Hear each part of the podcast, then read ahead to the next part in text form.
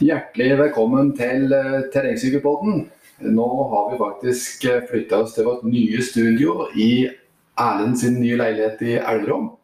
Her er det jo uh, veldig fint å spille inn podkast. Er det litt rom lyd her, kanskje? Eller tror du det går greit? Det går fint, det tror jeg. Vi får, ja. vi får rette gang. Vi får bare gnu på, så får vi bare se åssen det går.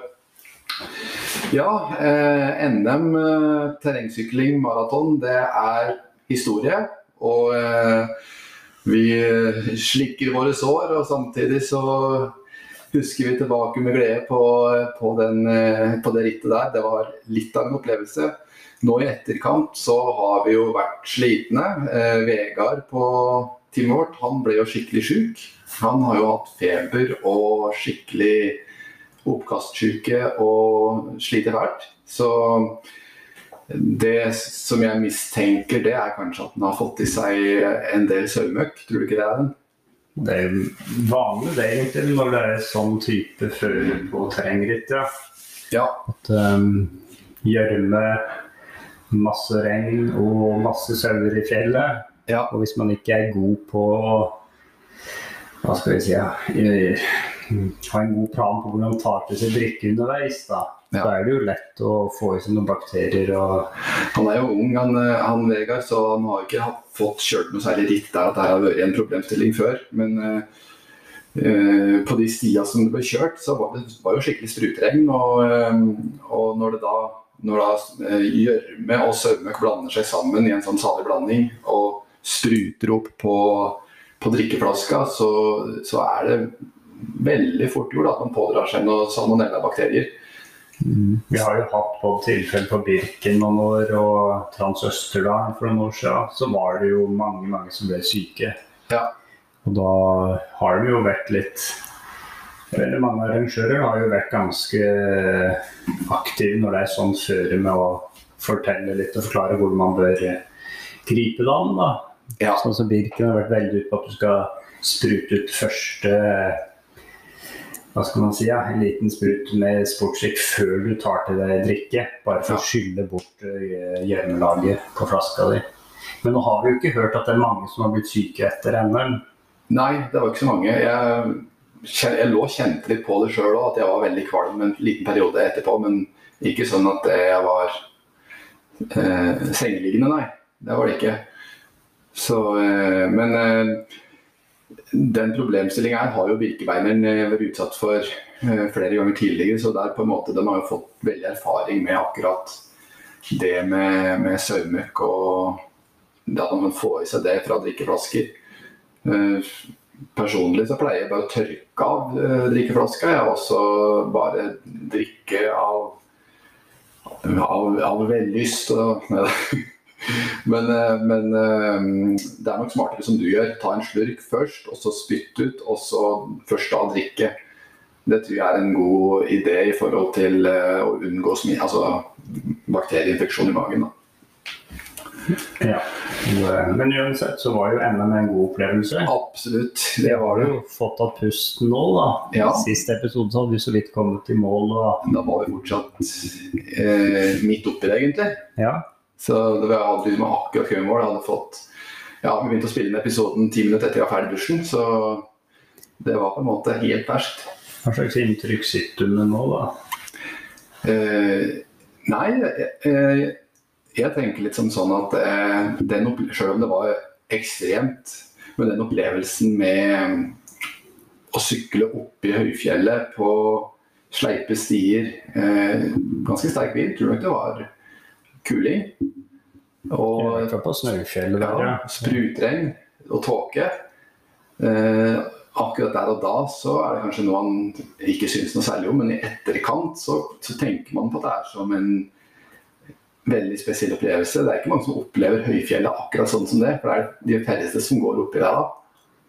Så, eh, de fleste som er oppi der, tror jeg er til fots, og ikke på en sykkel. Og ikke på en sykkel, Så det er en fin måte å oppleve fjellet på. Ja, Men jeg så ikke så mange til fots selv. Nei, akkurat oppi der, eh, og ikke den dagen. Nei, og jeg tror det var litt væravhengig òg. Ja da. Men til vanlig, tenkte jeg, så er det nok, det er nok få som sykler så steinete løyper. Ja. Det, det finnes jo, men det, jeg tror ikke det er mange som gjør det bare, bare for moro skyld. Sånn. Nei. Nei. Gikk det bra med sykkelen din, forresten? Ja, nei, det var jo det med frambremsen da, som er, eh, ble ødelagt etter utforkjøringen mot Kvam. Ja, for da, kjørte du kun noe bakbrems etter det. Ja. Hva det som hadde skjedd, egentlig? Nei, det, det var nok bare en overbelastning. Ja, Mistet du bremseklossene? Ja, bare helt utslitt.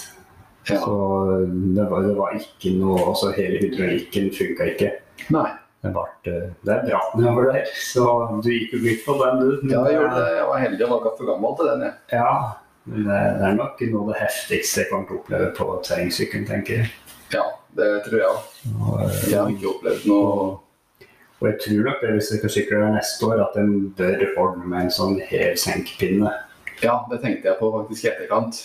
At det hadde vært en stor fordel. Ja, så de aller bratteste nedkjøringen, der, der måtte jeg faktisk eh, av sykkelen. På av eh, at det var så bratt, at jeg var redd for å bikke, over styret. Ja. Men hadde jeg hatt setet litt lavere da, så hadde det nok gått bra. Da får du tyngdepunktet litt lenger bak Ja, på sykkelen. Så det, ja man gjør jo det. Så, så da, og den ekstra vekta, da, den kiloen for å si det sånn, som hev-senk-pinnen veier, den, eh, den tjener du eh, lett inn igjen ja. når det er så heftige utforkjøringer. Ja. Uten tvil. Ja. Så Nei, jeg, Bremsa mine gikk det jo for så vidt greit med, egentlig. Jeg, de har blitt veldig skrikete etterpå. Så jeg vet ikke hva det er for noe. Kanskje mye sand og sånne greier. Ja. Men, men det jeg opplevde når jeg skulle eh, skifte over fra konkurransekjede og hjulsette, så når jeg hadde tatt av det, da merket jeg at kranken min var helt ferdig. Så når jeg da skulle snurre Jeg, jeg kjente jo på han var helt lealøs.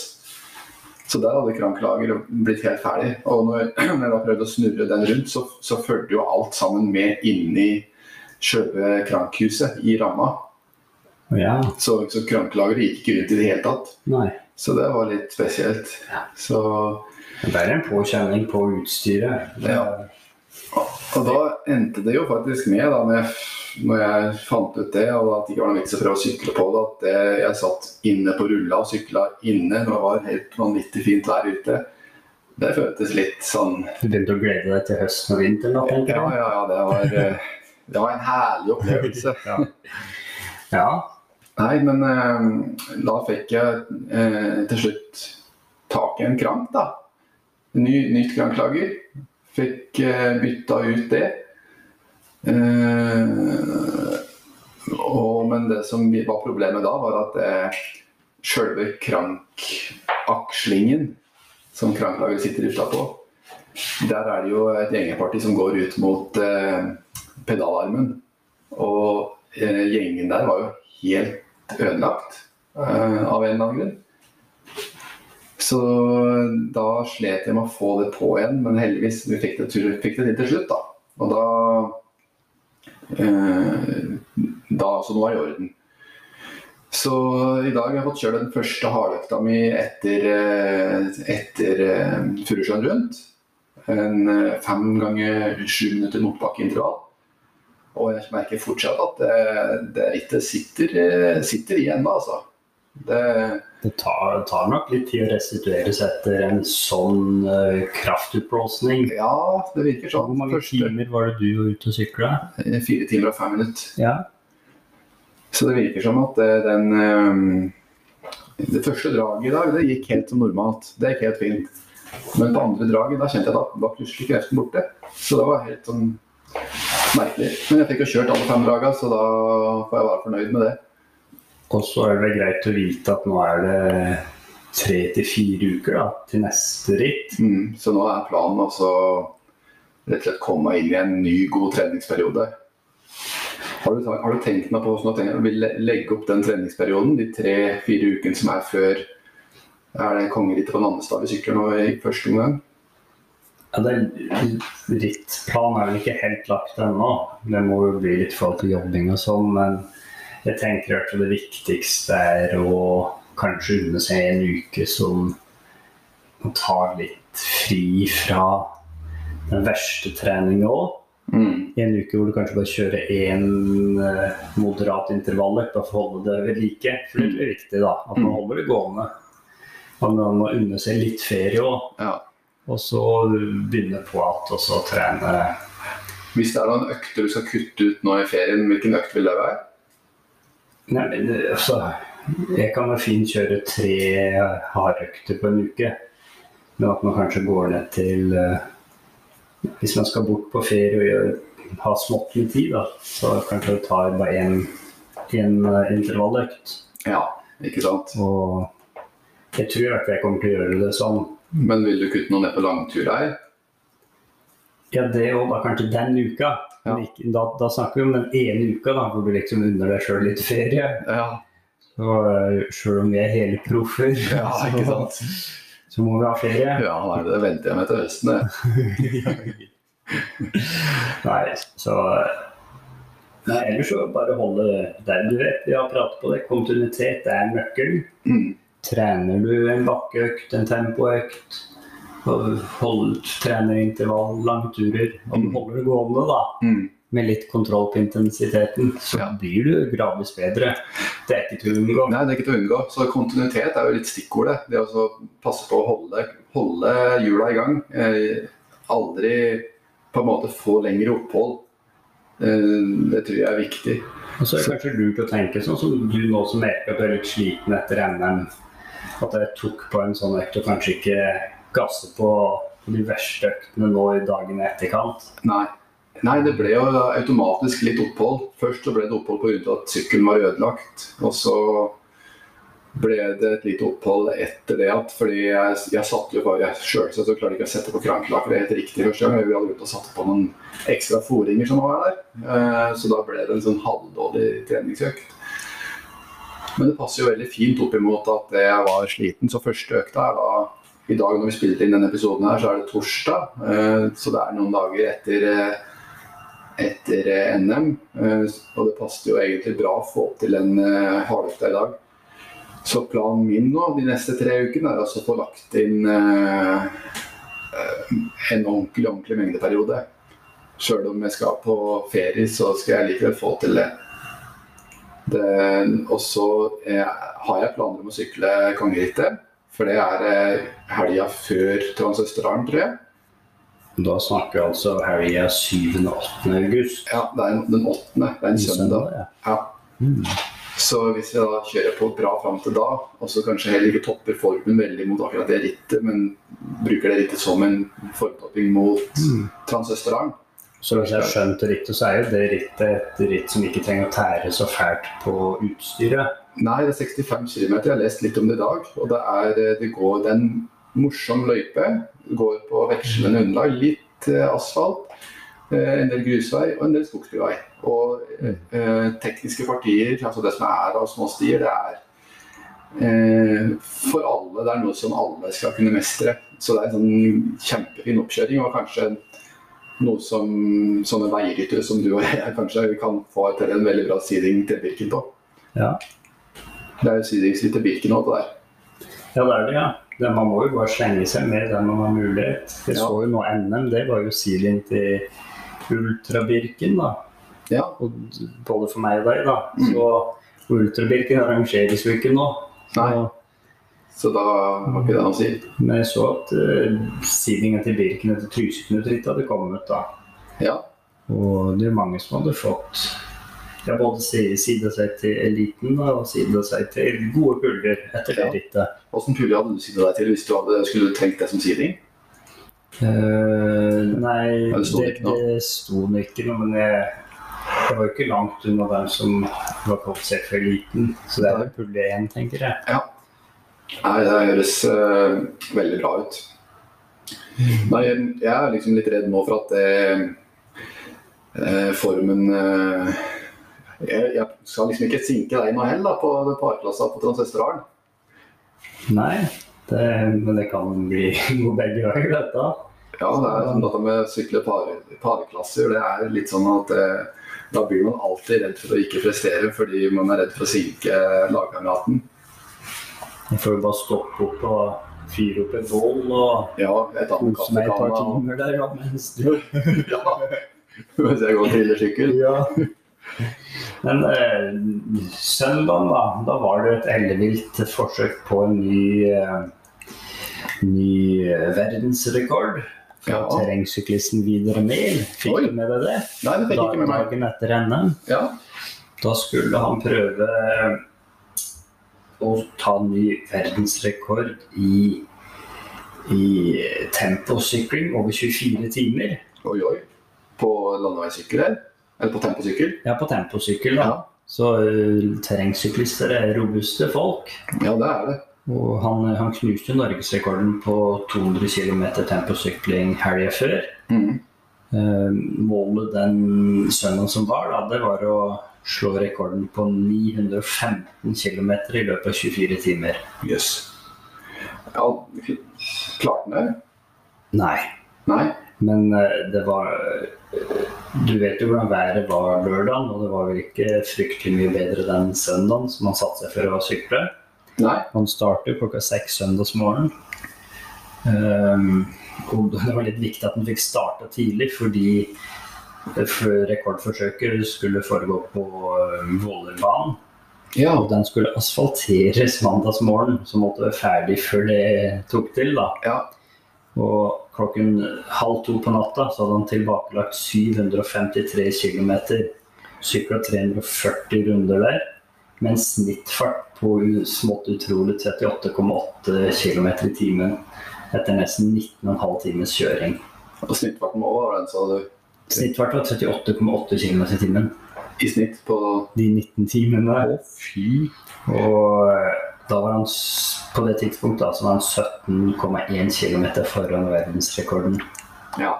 Hadde han klart å fortsette fram til klokka seks, så Ja. ville han ha endt på litt over 932 km og klar verdensrekord. Ja. Men han måtte som sagt bryte da etter 20 timer. Uansett så er jo en bragd eh, som er helt enestående. Ja, det står virkelig respekt av det Vidar har gjort der, altså. Tenk å sitte sånn og sykle og være konsentrert og holde den farta over så mange timer. Ja. Sammenlignet med oss som klager etter en NM hvor vi har syklet fire-fem timer. Ja. Og her eh, sitter han i 20 timer og rundt og rundt på en bane. ja. Ikke sant? Det, er litt forskjell på de folka der og, og sånn som oss, altså. det er det. Han sykler altså 776 km. Det er langt. 776 km. Ja. 776 km. Ja, fy. Det er, eh, det er drøyt. Men eh, det er nesten så vi skulle ha vurdert å invitere den eh, som gjest en gang for å fortelle litt om det. Ja. Kunne du prøvd deg på noen sånne rekordforsøk, Kule? Ja, kanskje vi skulle prøve å ta rekorden på å kjøre flest ganger rundt Osensjøen sammenhengende. Ja. Hva, hva er nåværende rekord, da? Det én gang. Må vi sykle to, da? Må vi sykle to, da har jeg fått tatt en ny rekord. Ja. Så Det blir en sak for lokalavisa, da. ja, ja, ja. Og Grenavisa òg. Nå har Ingar sykla to ganger, hele to ganger rundt Osensjøen. Ja, Det, er, eh, det hadde vært rått. det hadde det. Den er eh, 6,1 mil rundt, da, så da hadde det vært 12 mil. 12,2. Oi, oi. Oi, oi, oi. Det er ikke verst. er vi pratet jo her eh, tidligere om at på ski så ble det veldig populært å prøve å sette sånne rekorder. Ja, det har jo vært det i et par vintre. vinteren pga. koronaen og mangel på andre ritt og sånn. Ja. Og at det har blitt litt sånn innenfor sykling òg. Ja. Så det kan jo bli interessant å se hvordan det vil slå ut i forhold til Vidar sin eh, konkurransesesong da, resten av året. Ja, har du fulgt med når han har konkurrert noe ritt enda i år? Jeg har ikke fått med meg noe resultat. Han har helt sikkert gjort det, ja, det har han ikke- Han pleier å stille opp på mye men det har ikke vært Det har vært mest landevei så langt i år, da.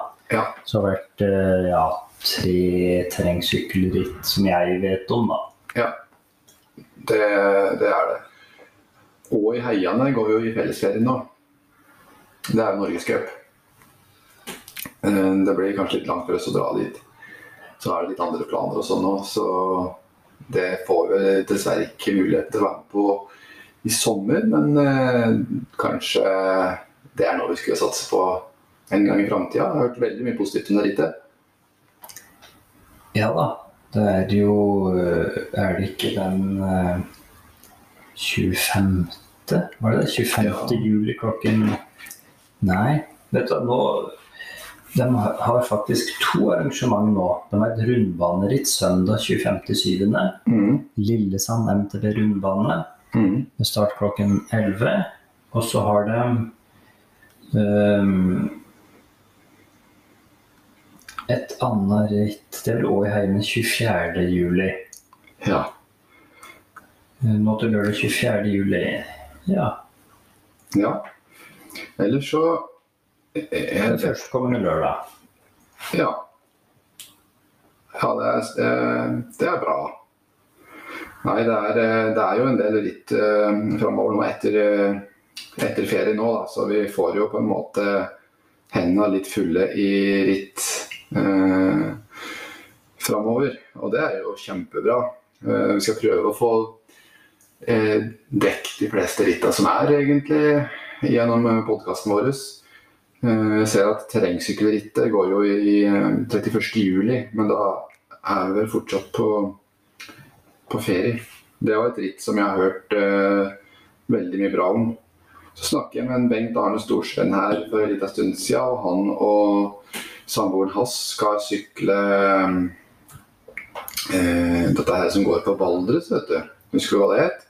Uh, og du tenker ikke Valdres-rittet, men da tenker du kanskje på uh, offroad uh, Valdres? Ja. ja. Det, det er en, litt av en utfordring. Det er jo litt sånn eh, at ikke alt er farta du konkurrerer med, men mer det med utholdenhet og ehm, 22. juli er det, så det er faktisk allerede ikke den helga her, men kommende. det 22. juli er torsdag. Torsdag. Da begynner det. Så der er det parplasser. Og han, hadde, han forventa å være ute i litt over ti timer. Skal sykle den hele. Den he- helvegs, tror jeg den heter. Det er helvegs og halvvegs. yeah. Så jeg blir spent å høre åssen det går. Ja. Det er jo faktisk allerede verdt det når denne episoden her kommer ut, da. Nei, det er det ikke. Nei, det. Nei, nå tuller jeg. Det er nå på denne uka her det er uh, Offroad Valdres. Jeg skulle bare se når påmeldinga Noen få ledige plasser igjen. Påmeldingslenke her, står det. Så det er nok fortsatt mulighet. Ja. Det er uh, helveggs på 120-160 km. Det kan du velge, ser det ut som. Mm. Enten 12 eller 16 mil. Og så halvveis enten 7 eller 85 km. ja. Så Rittene arrangeres lørdag 7. august 2021. det er 7. august, ja. Står det her, da. ja. Det er jeg som tuller her nå. Løpet går mest mulig på stier, men også kort innslag av kjerreveier, grusveier og vanlige veier. Ja. Og rytterne må navigere ved bruk av eh, sporhund. Men sporhund, ja. Ja, ja. Hva type sporhund brukes da? bruk av GPS. Ja, Så er det GPS. lagkonkurranse om med minst to, maksimalt tre syklister. Mannlig, kvinnelig eller mikslag. Ja, nå ser jeg her. Det er syvende og åttende Ja, det er riktig, det. Plass til 75 lag, ja. Ja. Og 40 lag på halvveis. Dette er noe som vi skulle ha vært med på en gang i framtida, vet du. Ja, det høres eh, artig ut, det. Er du god på å navigere etter GPS? Um, Jeg tror ikke du kan stole på meg der, altså. nei, jeg tror det skal kunne gå greit, ja. Ja, Jeg tror det. så bra. Så um, men når jeg først kjøper en GPS, da Og så ser jeg at den premien man får der, er jo midt i blinken for oss. Det er godtepose med lokal ost, Oi! øl og kurv, lokal grillmat. Oho. Ja, men da må vi stille opp. der må vi stille opp, vet du. Vi tar og kaster alle andre ferieplaner vekk, og så blir vi på hver vi får litt ost. Ja. ja. Nei da. Nei, men det, det er en del uh, godbiter framover nå. Så det er eh, mye å se fram til sånn sett, ja. Men fra det ene til det andre. Eh, hvis man skulle ha valgt en sykkel, eh, skulle kunne ha valgt mellom en hardtail eller en eh, fulldemper, og det var den eneste sykkelen du skulle ha, hva ville du ha valgt da, Erlend? Uh, ja, men hvis man kan dra spørsmålet litt annerledes òg, da. Eh, at hvis det bare var én type sykkel jeg ville hatt, Mm. og hvis man tenker racer, eh, gravel, um, hardtail med og uten uh, demper Mm. og fulldemper, så ville jeg jo hatt en sykkel som kunne brukes på de fleste forhold, Mm. tenker jeg. Mm. Skal du bare ha én sykkel, så må du ha en sykkel som du kan bruke overalt. Ja. Eh, og da har jo jeg skjønner sikkert flest at det da tenker fulldemper. Mm. Men da ville jeg hatt en fulldemper som eh, var lett. ja. Som også går eh, bra på asfaltveier med riktig, riktig type dekk da, til Ja. asfaltsykling. Ja. Eh, og at du kan stives av. ja. Men de skifta der, men da må det ofte opp en ganske høy pris, da. Ja, vi ser jo den, den som eh, reklameres med å være verdens letteste fulldemper. Da. Det er jo Unos uh, Cycling i Oslo. Mm. De eh, er jo forhandla av Orbea. Og de selger da den 2021-typen som skal være verdens letteste fulldemper. Og den ligger på veil 104 000. 104? Ja. Ja. Men da har du jo eh, Kall det eh, to sykler igjen, da. ja. Du har jo en lett hardtail og en fulldemper i den samme sykkel. Ja, du har jo faktisk det, da. Hvor mye veier den? Det vet du, De går ikke ut med pris.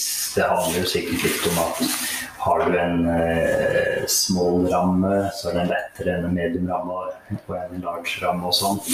Når de skriver at det er den letteste, så vil tippelen være veldig lett. Ja. Um, Sikkert under 9 kilo, da. Vil jeg tro. ja, det vil jeg tro da, ja. Mm. Og så har du også bort alle, bortsett fra den med S-ramma, da. Ja. Så har du mulighet for to flaskeholdere. Som det, ja, da har du mulighet til å ha med godt med drikke òg. ja. Det savner litt på den ramma som jeg har. Det Ja. er eh, litt liten plass der. Ja. Um, og den heter Urbea OIZ OMX 2021. Verdens letteste fulldemper. Ja. Det var verdens letteste hardtail eller? ja. Det er ikke helt sikkert. Før om årene, vet du, så var det nede i seks kilo og sånn. Ja. Husker Nakamura, la oss si for ti-tolv år siden. Ja, det var kjempelette. Vanvittig lette. Men det var aluminiumsrammer òg. Men eh, det har vel noe med Hva skal vi si? Ja, med Skal jo ha det litt holdbar Er det en terrengsykkel, så skal den tåle litt. Ja, og så hvis den blir for lette, så har den en tendens til å kanskje gi etter litt i tråkket òg, kanskje. At den ikke blir nok res at de blir ikke responsiv nok. Ja, ja, Muligens. det, ja, det vet jeg ikke. Men eh, Men det er, jeg, jeg tipper på at teknologien går såpass mye framover at det er akkurat den problematikken med at den blir mjuk i tråkket, kanskje kan fjernes med de nyeste og beste karbonramma. ja.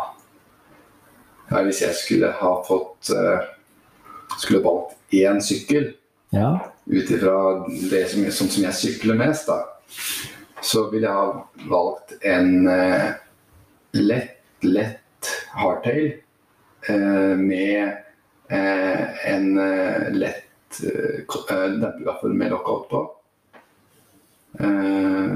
På grunn av den følelsen av å sykle på en så lett sykkel, og at du fortsatt kan bevege deg ut i terrenget. Jeg er egentlig jeg er, litt, jeg er ikke spesielt god på sånn kjempefæle stier og sånn, så da har- jeg ser ikke at jeg har sånn kjempestort behov for en, en fulldemper egentlig. Og er, hvis man trener mye teknikk og trener, trener mye med en hardtail, så du kan bli ganske god teknisk med den òg, altså. Ja da, vi ser jo absolutt hvordan eh, de som driver i, med cyclocross gjør det. Ja. Det er ikke noen demper Nei, det er ikke noe demper. der. demper. og Terrenget er grøvere enn Birken, for å si det sånn. Ja. Så, og jeg ser jo at eh, fortsatt så er det en del som velger hardtail på rundbaneritt. ja. Blant annet han eh, Nino. Nino Schürter har jo gjort det, da, men det har ikke vært med hell, da. Nei, Men eh, han har jo gjort en vurdering og tenkt at det, det skal være en fordel. da. ja. Og det i gangen han har valgt den, det og kanskje ikke lykkes, så kan kanskje det være mer tilfeldigheter. Absolutt, det kan være andre ting som, som avgjør det. Ja. det. Men det er jo litt sånn Har du en fulldemper som veier det samme eller mindre enn en hardtail, Mm. og den kan stives helt av, Mm. så, er det jo ikke noe grunn til å ikke velge det. Nei. Men uh, Nei det er jo ofte litt dyrere sykkel, da. det er ofte akkurat det som er Og det er flere ting som må vedlikeholdes. Det er to dempere som må vedlikeholdes, og det er mer deler som kan Mm. gå i stykker. En fulldemper skal jo helst serves et par ganger i år, skal den ikke det? Si det Ja, det, det, avhenger av bruken, selvsagt. Ja, ja. Men uh, for dem som driver aktivt uh, og sykler ritt uh, annenhver eller hver helg, så må det jo vedlikeholdes. Ja, det må jo det. Så gjør den det to-tre ganger i året, så blir det jo et 3000-4000 kroner, da. Ja. Bare, bare demperservice. Ja, Så ja, ja, man skal være rik skal drive med sykling. ja, ja. ja. Nei, det men eh, det er jo, den utviklingen går jo framover hele tida. Du har sett innenfor syklinga så har f.eks. Eh, bredden på rattet har jo endra seg mye det siste Har, du, har du ratt på sykkelen Ja, ja. ja, ja det, du ser jo den her eh, som broren min sykler på, Dark Cape. Dark. Den kom jo med smalt ratt, Ja, eh, sånn som den var på det var jo sånn på sykla før. Ja. Du skulle sitte smalt sikkert med tanke på at du da tar minst vind ja. aerodynamisk. Og så nå har han kjøpt seg et, et eh, breit styre, Carpo-styre. Han har det, ja. Ja, så, så han kjører på det nå. Og allerede nå syns han det er ekkelt å gå tilbake til det smale styret. Han prøvde et smalt styre her for ikke så lenge siden. ja. Han sa at han skjønte ikke at han kunne sykle på det før. Nei, han har jo lenge ment at den Dark Apen er den beste sykkelen den går an å få tak på. Ja. Så prøver han stadig den nye nye da, og da, da skjønner han kanskje at, at det er en grunn til at ting forandres. Ja, For det er stort sett til det bedre. ja. Og samme gjelder jo egentlig hjul òg. Hjuledimensjon. På den sykkelen der sitter det jo 26-tommers hjul. Ja. Eh, og det var jo det som var standard på, på den tida der. Og så kom det en periode der det var eh, 29 tommer, og så var det mange 27,5-tommere. Og så har det blitt 29 tommer som har blitt den nye standarden på et vis. da. Ja. 26 er jo helt ute, og jeg tror ikke du får kjøpt sykler i 2021-utgave i 27,5. Tatt helt over eh, markedet. At det er det folk vil ha, og det er det som blir tilbudt. Mm. Hva mener du er den eh, store fordelen med 29 ja, i forhold til 26? Nei, Det er jo at det er eh, Det skal jo Hva skal jeg si? Jeg har jo ikke den gode erfaringa med 26.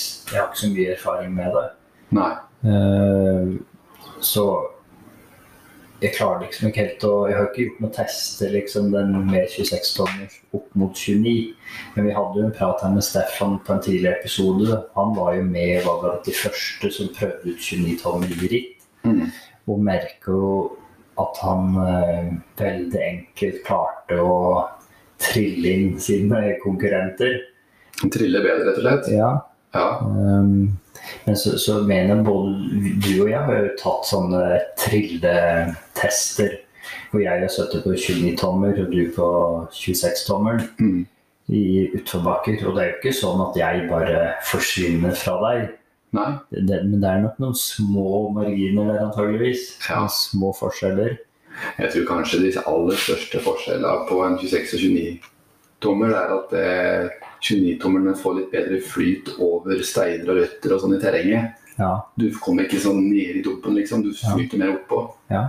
Så det tror jeg er eh, en, en viktig grunn til at 29 har fått over det terrengsykkelmarkedet. For det har jo ikke den på landeveissykkel som, som, som jeg vet om, iallfall. Der er vel fortsatt en, den dimensjonen vi alltid har brukt, nesten. Ja. Jeg vet jo at 27,5 ble veldig populær blant damene. Ja. Kanskje det passer bedre til deres høyde, da, for å si det sånn. Den er jo ofte litt kortere. Ja, ja det kan hende det er det. For blir du sittende for høyt oppe på en sykkel, så, så, har du ikke helt kontakt med underlaget. Og, Nei. så det er kanskje derfor man ikke går enda høyere opp på hjulsettet. da. Ja. Nei, det er veldig spennende å følge den her eh, tekniske utviklinga innenfor syklinga. Det, det, er jo blitt jeg, jeg, tror at det med elektronisk giring er det som på en måte kommer til å ta helt over eh, etter hvert nå. Jeg tror at eh, i framtida så vil kanskje vaiergiringa bli mer eller mindre borte. Ja. Eller hva tenker du? Jo. Tror du det er tenkt at vi vil se elektronisk bremsing i framtida? Ja, faktisk. Eh, det tror jeg. Ja. Eh, du vet på sykkelrulla som, eh, så sykkelrullen som er, vet du. Der er det jo elektromagnetisk brems. Ja. Eh, for det hadde jo blitt eh, det smuteste av det smuteste hvis det, hvis det hadde blitt noe sånt. Og så at du klarer å få ned vekta på det såpass mye at det faktisk eh, går an. ja. Og at det er eh, sikkert nok, da. Ja. At det ikke plutselig er tomt for strøm i en nedoverbakke. Det må finnes noen nødløsninger med sånn at du har et sånn ekstra batteri som på en måte det er ditt ansvar at det er oppe og går. ja. Altså som slår inn når det, det, det hovedbatteriet er gått. gått. For det er ikke noe god følelse. og Det var jo sånn for meg ned fra Kamfjellet, når jeg oppdager at frambremsen ikke funker. Ja. Og du ser at det er bratt nedover. og Det, det er ikke noen god følelse. Jeg hadde heldigvis bakbrems, men det, ja, det er eh, skummelt. ja, men det er avhengig. Og vi prater jo på det med giringa før drittet. Plutselig så er den tom for strøm, og da, Mm. da må du sykle på samme giret, da. Ja, man må det. Så bat sjekke at batteriet er fullada i noen burting. da. Det å skulle hatt mer og mer ting på sykkelen blir elektronisk, gjør kanskje at man må være mer påpasselig. med at batteriet som er fullada. Ja, Så eh, men batteriutviklinga den er jo ekstremt Den er i utvikling. ja. Og så er det jo helt sikkert at du slipper denne evige justeringa av gira. Ja. Det er jo i hvert fall til de fleste mosjonisters uh, kjedsomhet. da, At etter en stund så må det justeres. altså. ja. Den må justeres med jevne mellomrom. Baieren den strekker seg litt. og Så må man passe på med rengjøring og smøring, at det går. At det ikke blir tregheter i systemet. og Det er masse ting som man passer på med et sånt vaiersystem. Ja. Det er jo fin tid nå på, i sommerferien da, for gjennomgått sykkelen ordentlig. Har ikke Ja. tid til å bestille opp og bytte ut noen deler som du burde vært byttet for en stund siden. Og Ja. Det, det er sant. Det er, eh, det er en del eh, ting som kan ryke på en sykkel, har vi smertelig erfart. ja, Så det koster litt. det gjør det. Så, men hva, vi skal vel ta litt ferie, vi òg. Ja, vi gjør det nå. Men vi kommer med episoder eh, hver mandag likevel. Ja, det gjør vi. Vi tar aldri ferie fra terrengsykkelpodden. Nei. Tar ferie fra alt annet, men aldri terrengsykkelpodden. Så vi kan vel bare ønske alle fortsatt god ferie. Det gjør vi. Og eh, eh, kult om noen tar og sender inn en litt eh, morsom eh, feriehistorie fra, fra sykkeltrening. Eller tipser oss om ritt eller andre turer som vet om som ikke vi har fått med oss. Ja. Eller eh, forsøk, sånn som Vidar Mehl sitt uh, verdensrekordforsøk. Ja. Det er noe lignende man hører om. Eller andre ting der vi ønsker at vi prater litt om. Ja. Så da gjenstår det egentlig bare å ønske alle sammen en fantastisk sykkeluke. Trill i vei. Trill i vei. Ha det bra. Ha det bra.